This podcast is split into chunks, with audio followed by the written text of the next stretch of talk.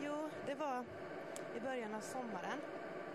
Så eh, ja, men det, det var lite samtal och jag kände bara att ja, men, jag behöver ha jag behöver ha något specifikt från Gud. Hur ska jag be för församlingen? Så jag bad och eh, upplevde att jag fick en som en bönekarta. Eh, där blomman finns, finns med där och, och fått från Gud att vi ska bli döpta i kärlek, förlåtelse. Och eh, så jag antecknade den här kartan och så. Och sen, sen så bara fick jag se en syn från Gud. Och då, då tog han upp församlingen i sin, i sin hand. Ehm, sin stora trygga hand. Och vi var ju liksom, vi var ju små barn där liksom i den här stora handen. Och sen varsamt och ömt så tog Gud hand om alla stickor och sår. Försiktigt, försiktigt tog han hand om dem. Inte hårt och brutalt eller någonting utan en efter en tog han hand om. Och sen, och vi var fortfarande lite spretiga där på handen. Men sen tog han med sin andra hand ur och öste honung över hela församlingen. Och i såren och runt om hela, alltså jättegeneröst med honung. Det var väl tilltaget, stora. Till, till slut blev ju spretigheten blev ju mindre och mindre och vi blev, vi blev som en enhet. Eh, och den här honungen, alltså det, jag tänker att kärlek, förlåtelse, kärlek, förlåtelse. När Jesus säger att vi ska förlåta, jag tror han säger 7 gånger 77 eller något sånt där. Då, då är det ju liksom, då, då är det ju att eh, i Moseböckerna, då står det om en ond man. Han skulle, han skulle hämnas. 7 gånger 77 eller vad han, det är samma siffror där. Det, det, var ju liksom sånt hat som var så överdrivet. Och på samma sätt så tror jag Jesus menar att kärleken den ska vara så överflödig. Så vi ska inte ens räkna, vi ska vara så generösa. Men det här kommer ju från, det här kommer ju från Guds, den, den kraften får vi hämta från Gud. Ja. Så honung, och läs gärna lite om honung. Det har ju så många goda effekter som, som man kan läsa om. Amen.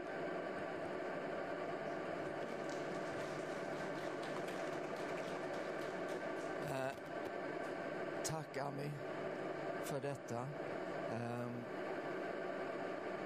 ibland kan man ju känna sig utlämnad och ensam och, och övergiven. Och, eh, det är ju i fiendens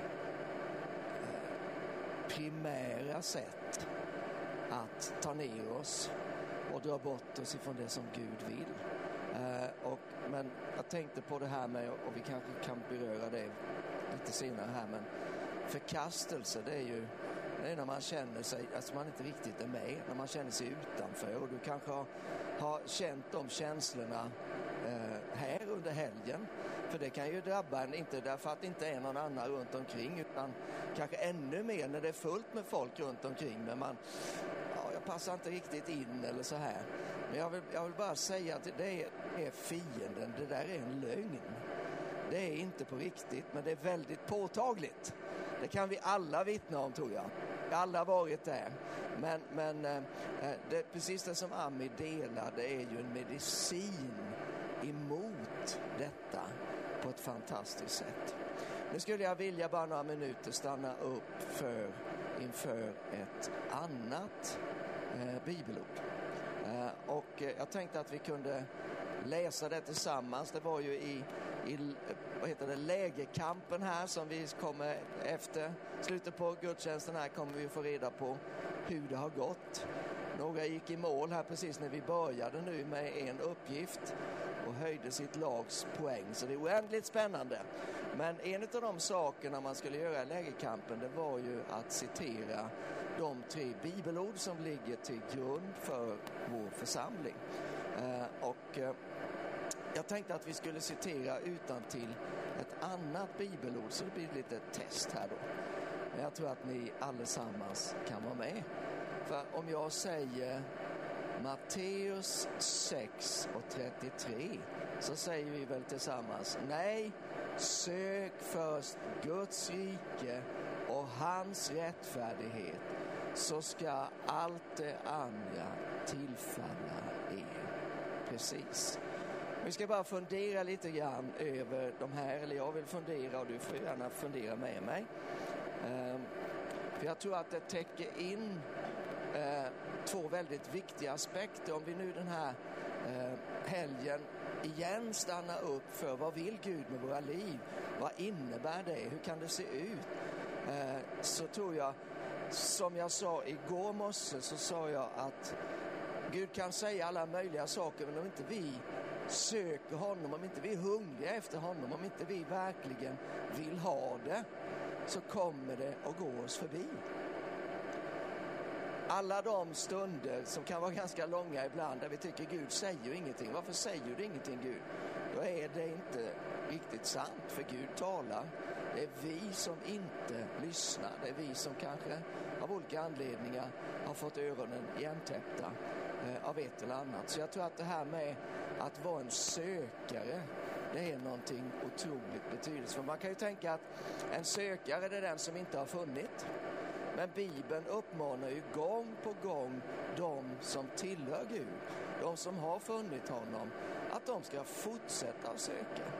Vårt liv är ett liv av sökande, inte för att eh, hitta någonting som är borttappat eller som vi inte är i besittning av, men att ge uppmärksamhet till, att återkomma till, att veta, få mer kunskap om, att lära känna mera intimt. Du har, det finns ju eh, sökmotorer online. Den mest eh, använda är väl Google utan tvekan. Och, eh, men, och det är ju jättebra. Eller hur? Googlar du någon gång? Ja. Eh, så, så en sökmotor är ju, är ju en välsignelse. Men samtidigt är det ju så att det verkliga livet det hittar vi aldrig online. Eh, och det verkligt viktiga det går inte att googla fram. För man behöver en annan sökmotor. Och frågan är, vad har du för sökmotor? Har du en motor i ditt liv som motiverar dig till att fortsätta att söka Gud, att nalkas honom, att dra dig närmare honom? Många gånger så tänker vi att Gud, kom nära mig, Gud kom nära mig, Gud kom nära till oss, kom Gud. Men vad säger Gud? Han säger, närma er mig, så ska jag närma er, närma mig er. Alltså Gud har gett oss ett initiativ. Vi måste ha vår sökmotor igång. Jag lyssnade nu i somras på en, en, eh, en fantastisk predikant. Ni kanske har hört henne, Charlotte Gambill heter hon. Och eh, hon sa någonting som fastnade verkligen hos mig. Eh, så nu blir det lite engelska här, några fraser. Men det går bra. Så här sa hon. We have so much information we have stopped seeking revelation. Vi har så mycket information att vi riskerar sluta att söka uppenbarelse. Uppenbarelse det är när Gud visar oss någonting, när Guds ord drabbar oss, när Guds ord blir verkligt.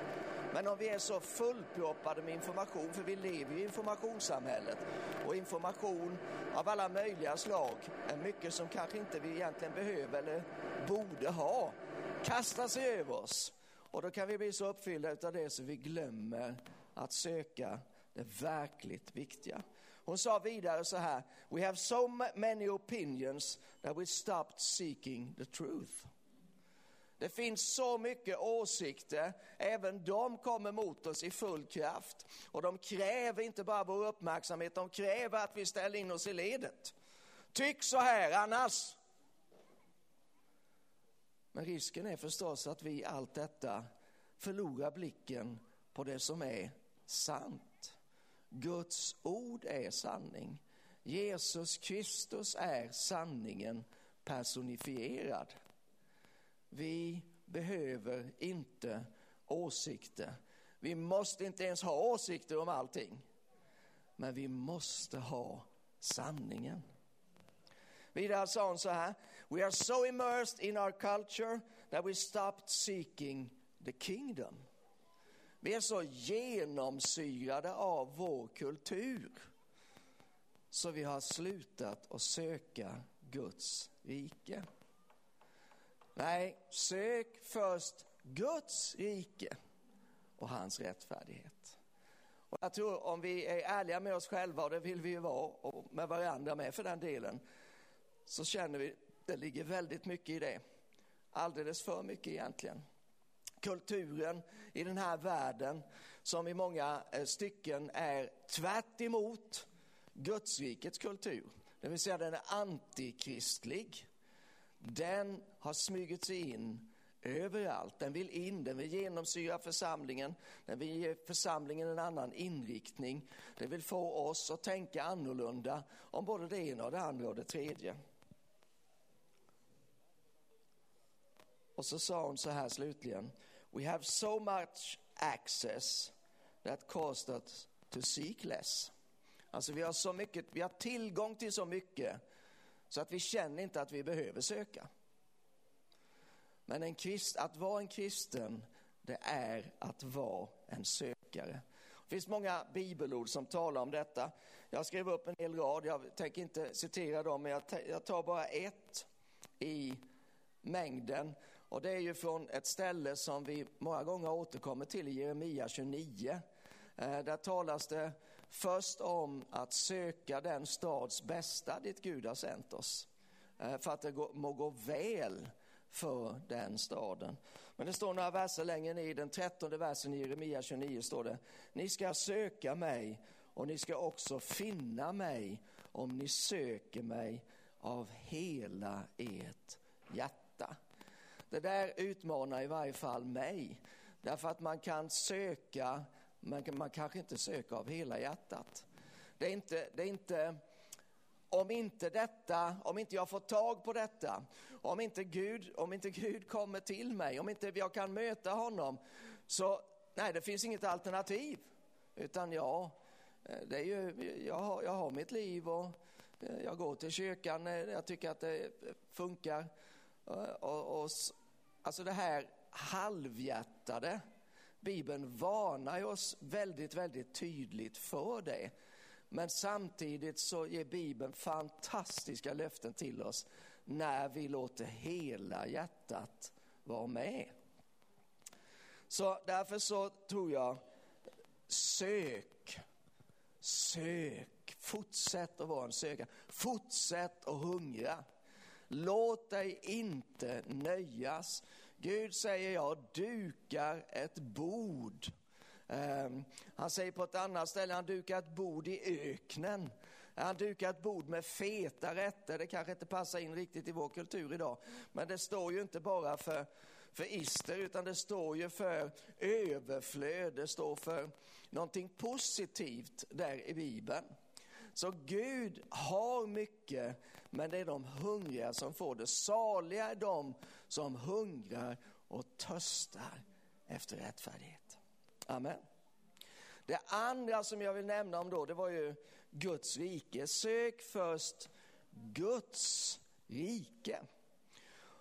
Vi är en del i en församling och vi älskar församlingen. Jag gick ifrån, när vi pratar lite historia, till att vara en enorm skeptiker Eh, till församlingen, till att bli vad jag kallar en församlingskramare.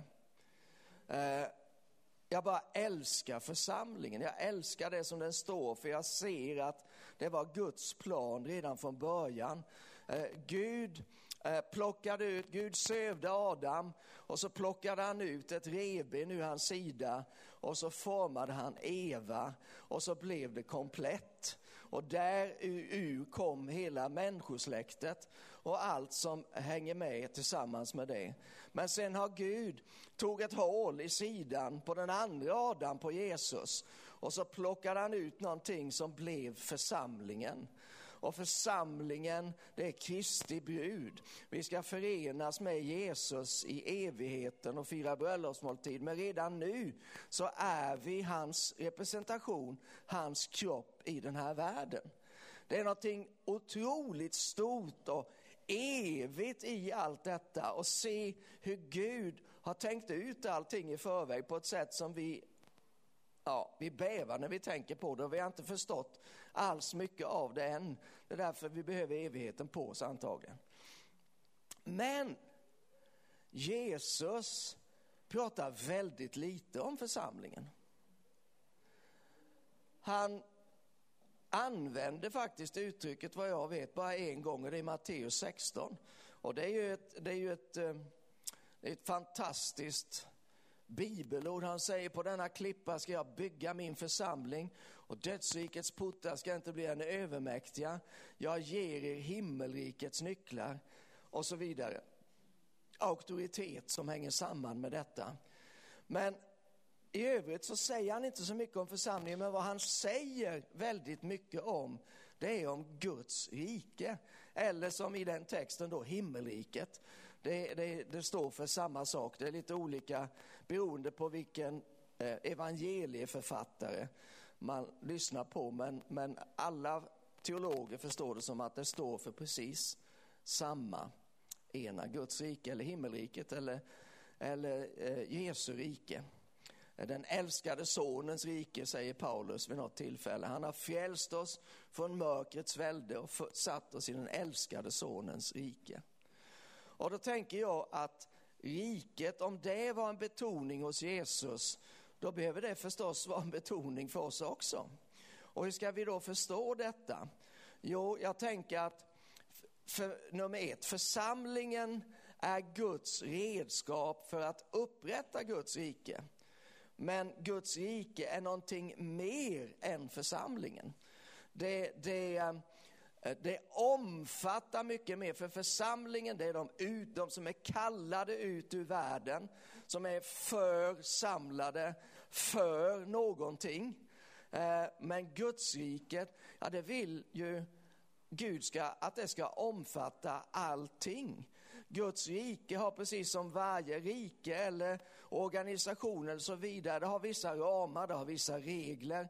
Man förhåller sig på ett visst sätt och Guds rike är väldigt annorlunda förstår vi från Bibeln om vi jämför med, med världens riken.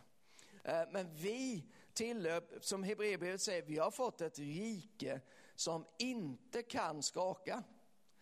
Det svenska riket har förändrats jättemycket bara de senaste 20 åren. Eh, och så är det med, med egentligen alla riken i den här världen. Vi lever i ständig förändring. Men Guds rike det är ett evigt rike, det är baserat på eviga principer. Det ändrar sig inte, det kan inte ens skakas. Och när Sverige skakas, när världen skakas, visst är det skönt att veta, ja men det är inte där jag är hemma, jag har satt ner mina fötter i Guds rike. Det kan inte skakas, jag kan stå stadig mitt i stormen, så kan jag stå stadig. Så Guds rike, det är mycket större. Och jag bara satte ner några, några tankar kring det här riket för att göra en, en jämförelse. Skärmsläckaren tickar in här mycket fortare än vad jag tänkte. För som sagt var, jag, jag menar att Guds rike är annorlunda än alla andra riken. Det är på samma gång osynligt och högst påtagligt. Tänk efter lite grann. Guds rike, det är precis som Gud. Gud är ande. Eh, ingen har sett Gud. Och Guds rike, eftersom det är Guds rike, så, så präglas det av samma, det, det, liksom, det är inte, man kan inte peka och säga där är det. Och samtidigt så när Guds rike blir etablerat så blir det väldigt, väldigt påtaglig skillnad. Man märker det. Gudsrikesprinciperna, när de tillämpas så är de starkare än de krafter som finns i den här världen. Och de, de kan bli, de kan bli, vad ska jag säga? Alltså det kan förändra vilken situation, vilken omständighet som helst om Gudsriket får etableras. Och det har ju att göra med att det är ett andligt rike. Jag, jag tror inte vi, jag kanske var i gruppsamtalet igår som vi pratade lite grann om detta. Men jag tänker att utifrån vad jag sa som Charlotte Gambill delade där, att vi, har så, vi blir så upptagna och uppfyllda av den här världen så vi glömmer bort att över och före den här världen så finns det en andlig verklighet. Och det är inte bara så att vi i det naturliga kan påverka den andliga världen, för det kan vi. Vi har ju fått makt att lösa och binda. Men det är också i väldigt hög utsträckning så att det som sker i den andliga världen, det får återverkningar i vår fysiska verklighet. Guds rike är ett andligt rike. Och vad innebär det? Ja, det måste förstås på ett andligt sätt. Men samtidigt som det är det, för det andliga det kan ju kännas lite diffust och så här, ja, hur är det här and, andligt? Va? Var hittar vi det då? Så är det väldigt, väldigt praktiskt. Eh, och det här är så typiskt Gud. Eh, vi vill alltid ha det här antingen eller. Å ena sidan eller å andra sidan. Men Gud, han har en sån galen förmåga och, och, och liksom göra saker så att det på något vis blir både och. Och därför så har vi till exempel det här uttrycket som, om, om du kanske har hört det någon gång, apropå Guds rike. Guds rike är redan här och än, ännu icke. Ja, men det är väl antingen eller. Antingen är det här eller är det inte här. Nej, Guds rike, det är redan här och ännu inte.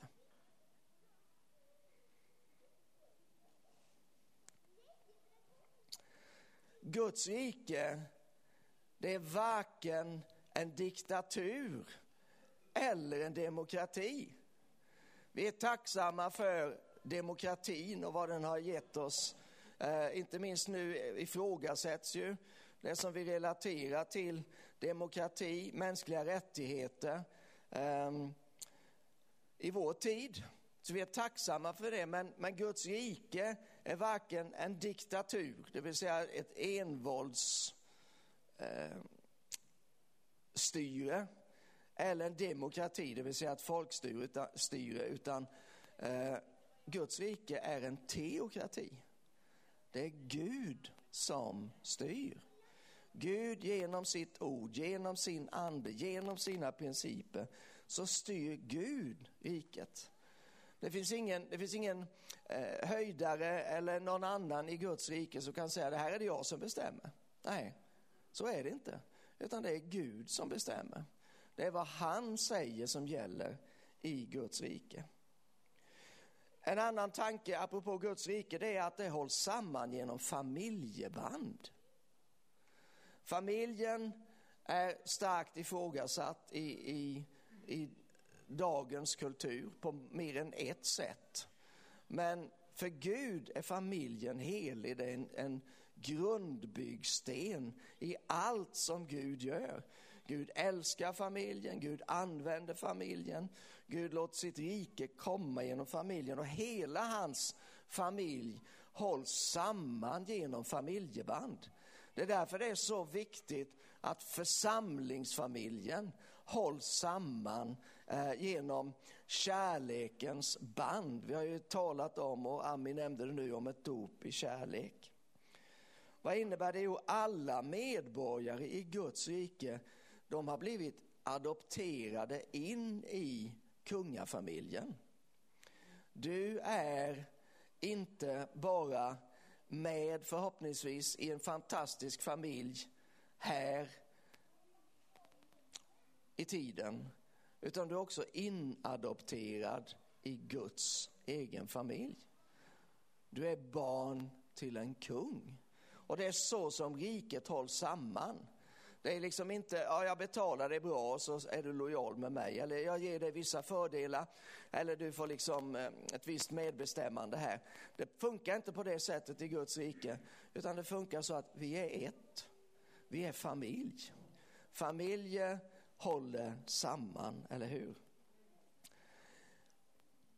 En annan sak om Guds rike det är att det är ett fridsrike.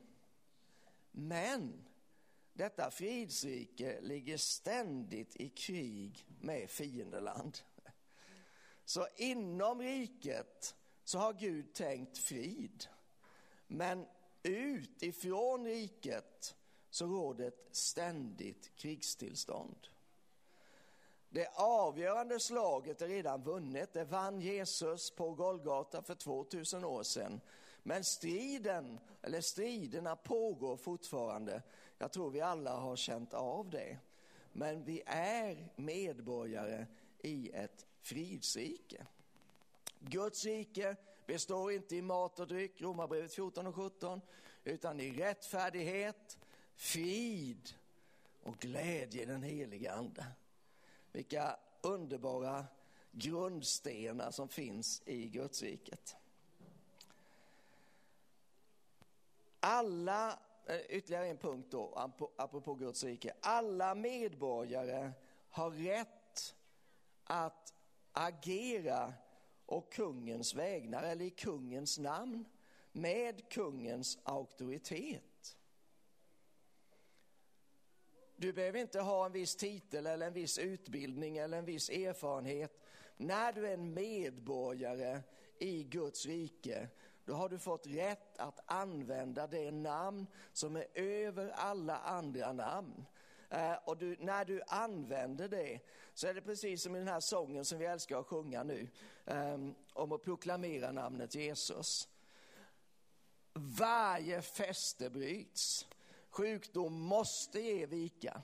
Det är inte på grund av att vi ropar högst eller att, att vi är, är kändisar eller att vi har stora resurser bakom oss. Utan kraften ligger inte hos oss, den ligger i namnet Jesus. Och vi har fått rätt att använda detta namn bara därför att vi är medborgare i Guds rike. Jag ska se om jag tar med någon mer punkt här eller ska jag bara runda, runda ner det hela lite.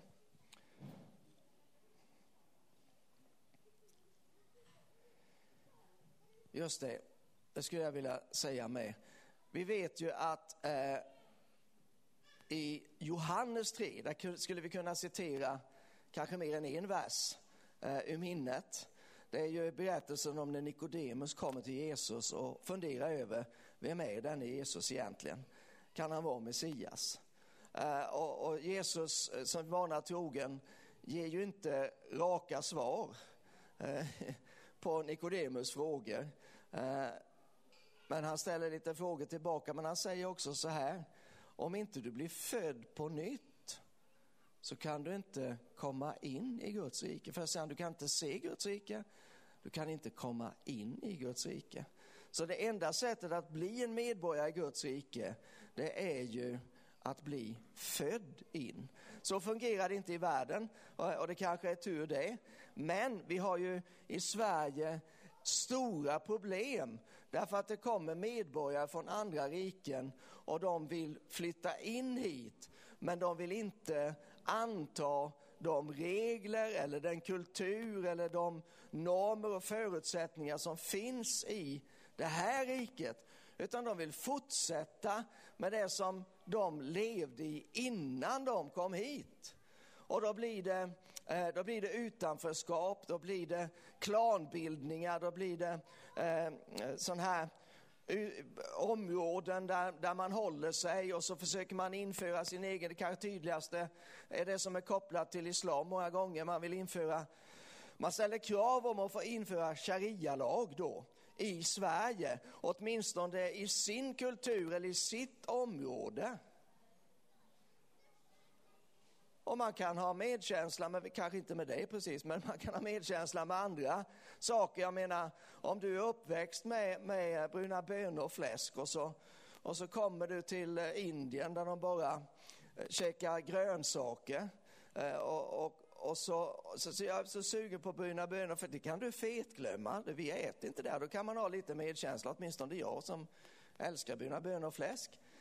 Men när det gäller andra saker då, då, då, då går det, det, går inte att acceptera. Alltså vill du vara i det här riket, då måste du ta till dig och leva efter de regler och de principer som gäller i det här riket.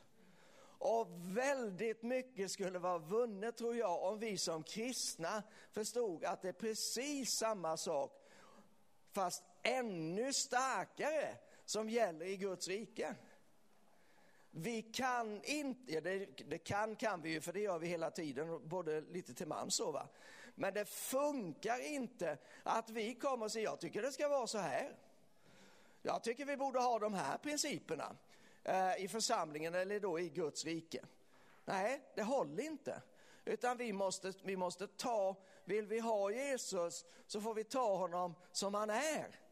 Så säger de, jag älskar det uttrycket när, när de skulle åka över sjön och så står det, eh, och de tog Jesus som han var med sig i båten.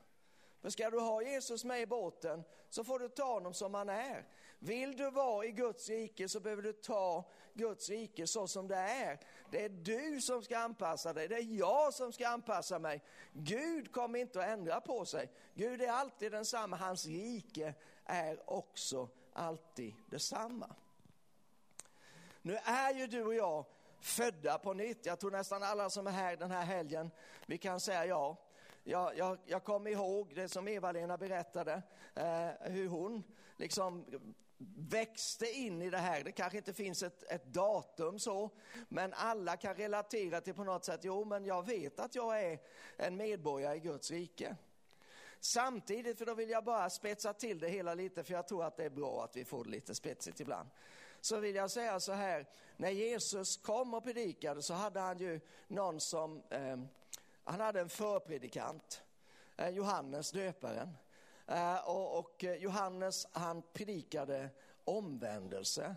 Han sa, Guds rike är nära, omvänd er och tro evangelium. Och så kommer Jesus och han har precis samma budskap initialt. Han bara lånar Johannes predikan och kör vidare på det. Och sen tar han det ju mycket längre än vad någon annan skulle kunna göra. Men omvändelse hör också samman med Guds rike. Man kan inte ta bort ifrån och tänka att ja, men Guds rike, nu har jag kommit in i Guds rike, nu är allt frid och fröjd, nu är det bara att köra. Nej, omvändelse är fortfarande en förutsättning. Att vara eh, mjuk, att vara formbar, att vara lyhörd inför Gud. Sök först Guds rike och hans rättfärdighet. Att ha en rätt ställning inför Gud. Att, att bibehålla i en värld som vill kasta ut Gud, som inte vill tro på Gud, som säger det är inget att bry sig om. Att ändå bibehålla en gudsfruktan. Att ha en respekt inför Gud utifrån en förståelse att Gud är unik. Han är så stor så att om jag kommer på tvärsan med honom så kommer allt att vara förlorat. För då, då, då, då finns benägenheten eh, möjligheten till att ändra sig, att omvända sig. Både, jag tror att både Johannes och Jesu initialbudskap där, om man översätter omvändelse eller omvändelse så är det metanoia, vilket betyder att göra sinnesändring, att byta tänkesätt, att inte tänka som världen, vilket är precis vad Paulus säger i Romarbrevet eh, 12 är det va? Eh, så säger han att eh, ehm, bli inte, tänk inte som de gör i den här världen utan förändra sinnet. Det är alltså omvändelse det handlar om då.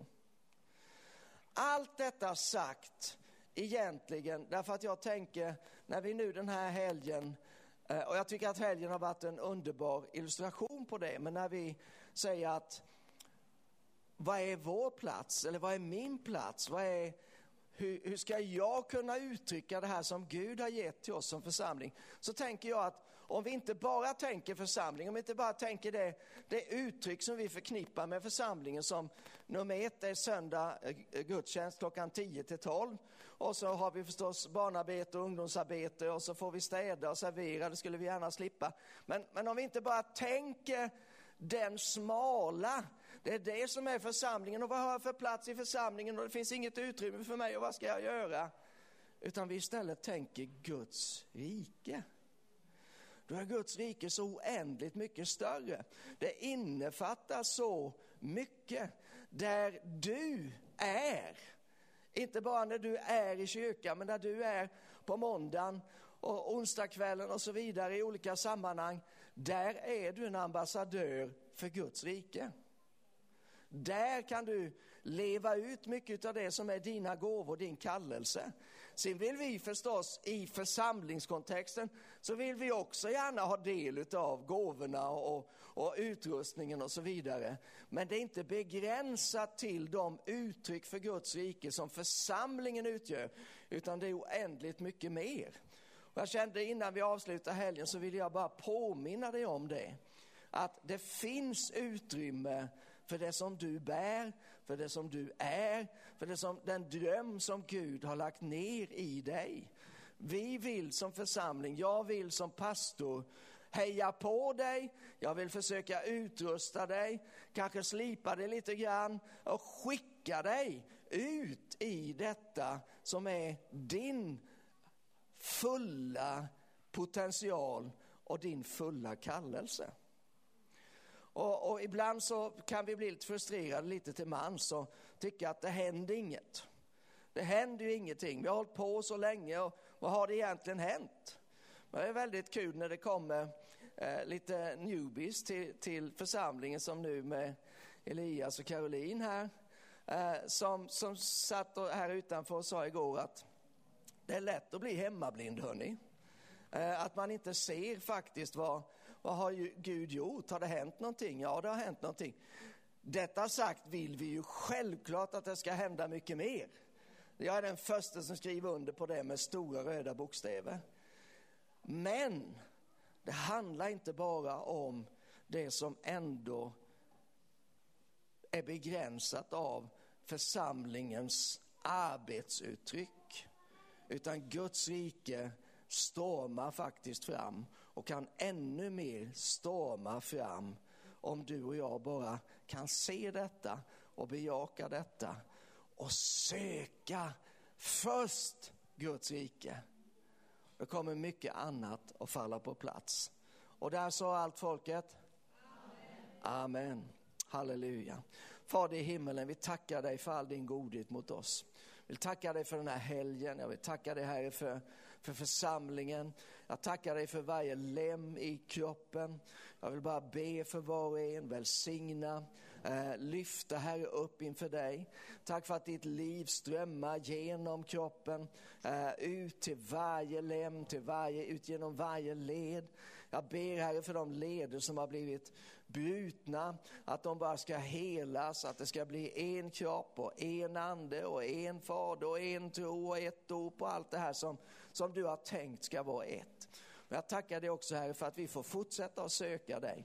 För dagar och, och, och, veckor och månader som ligger framför så får vi söka dig Herre. Och vi tackar dig för dina löften att om vi söker dig av hela vårt hjärta då kommer vi också att hitta dig Herre. Och då blir det härligt. Vi vill också tacka dig för ditt rike Herre som vi alla får vara en del av eh, och som är så ofantligt omfattande som omfattar eh, oss, våra familjer, våra arbeten, våra intressen, våra, ja allt här som omfattar eh, ekonomi, som omfattar politik, som omfattar kultur.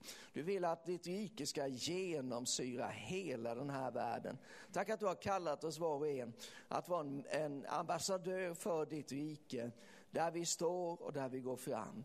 Vi prisar dig för det i Jesu namn. Halleluja. I Jesu namn. Amen.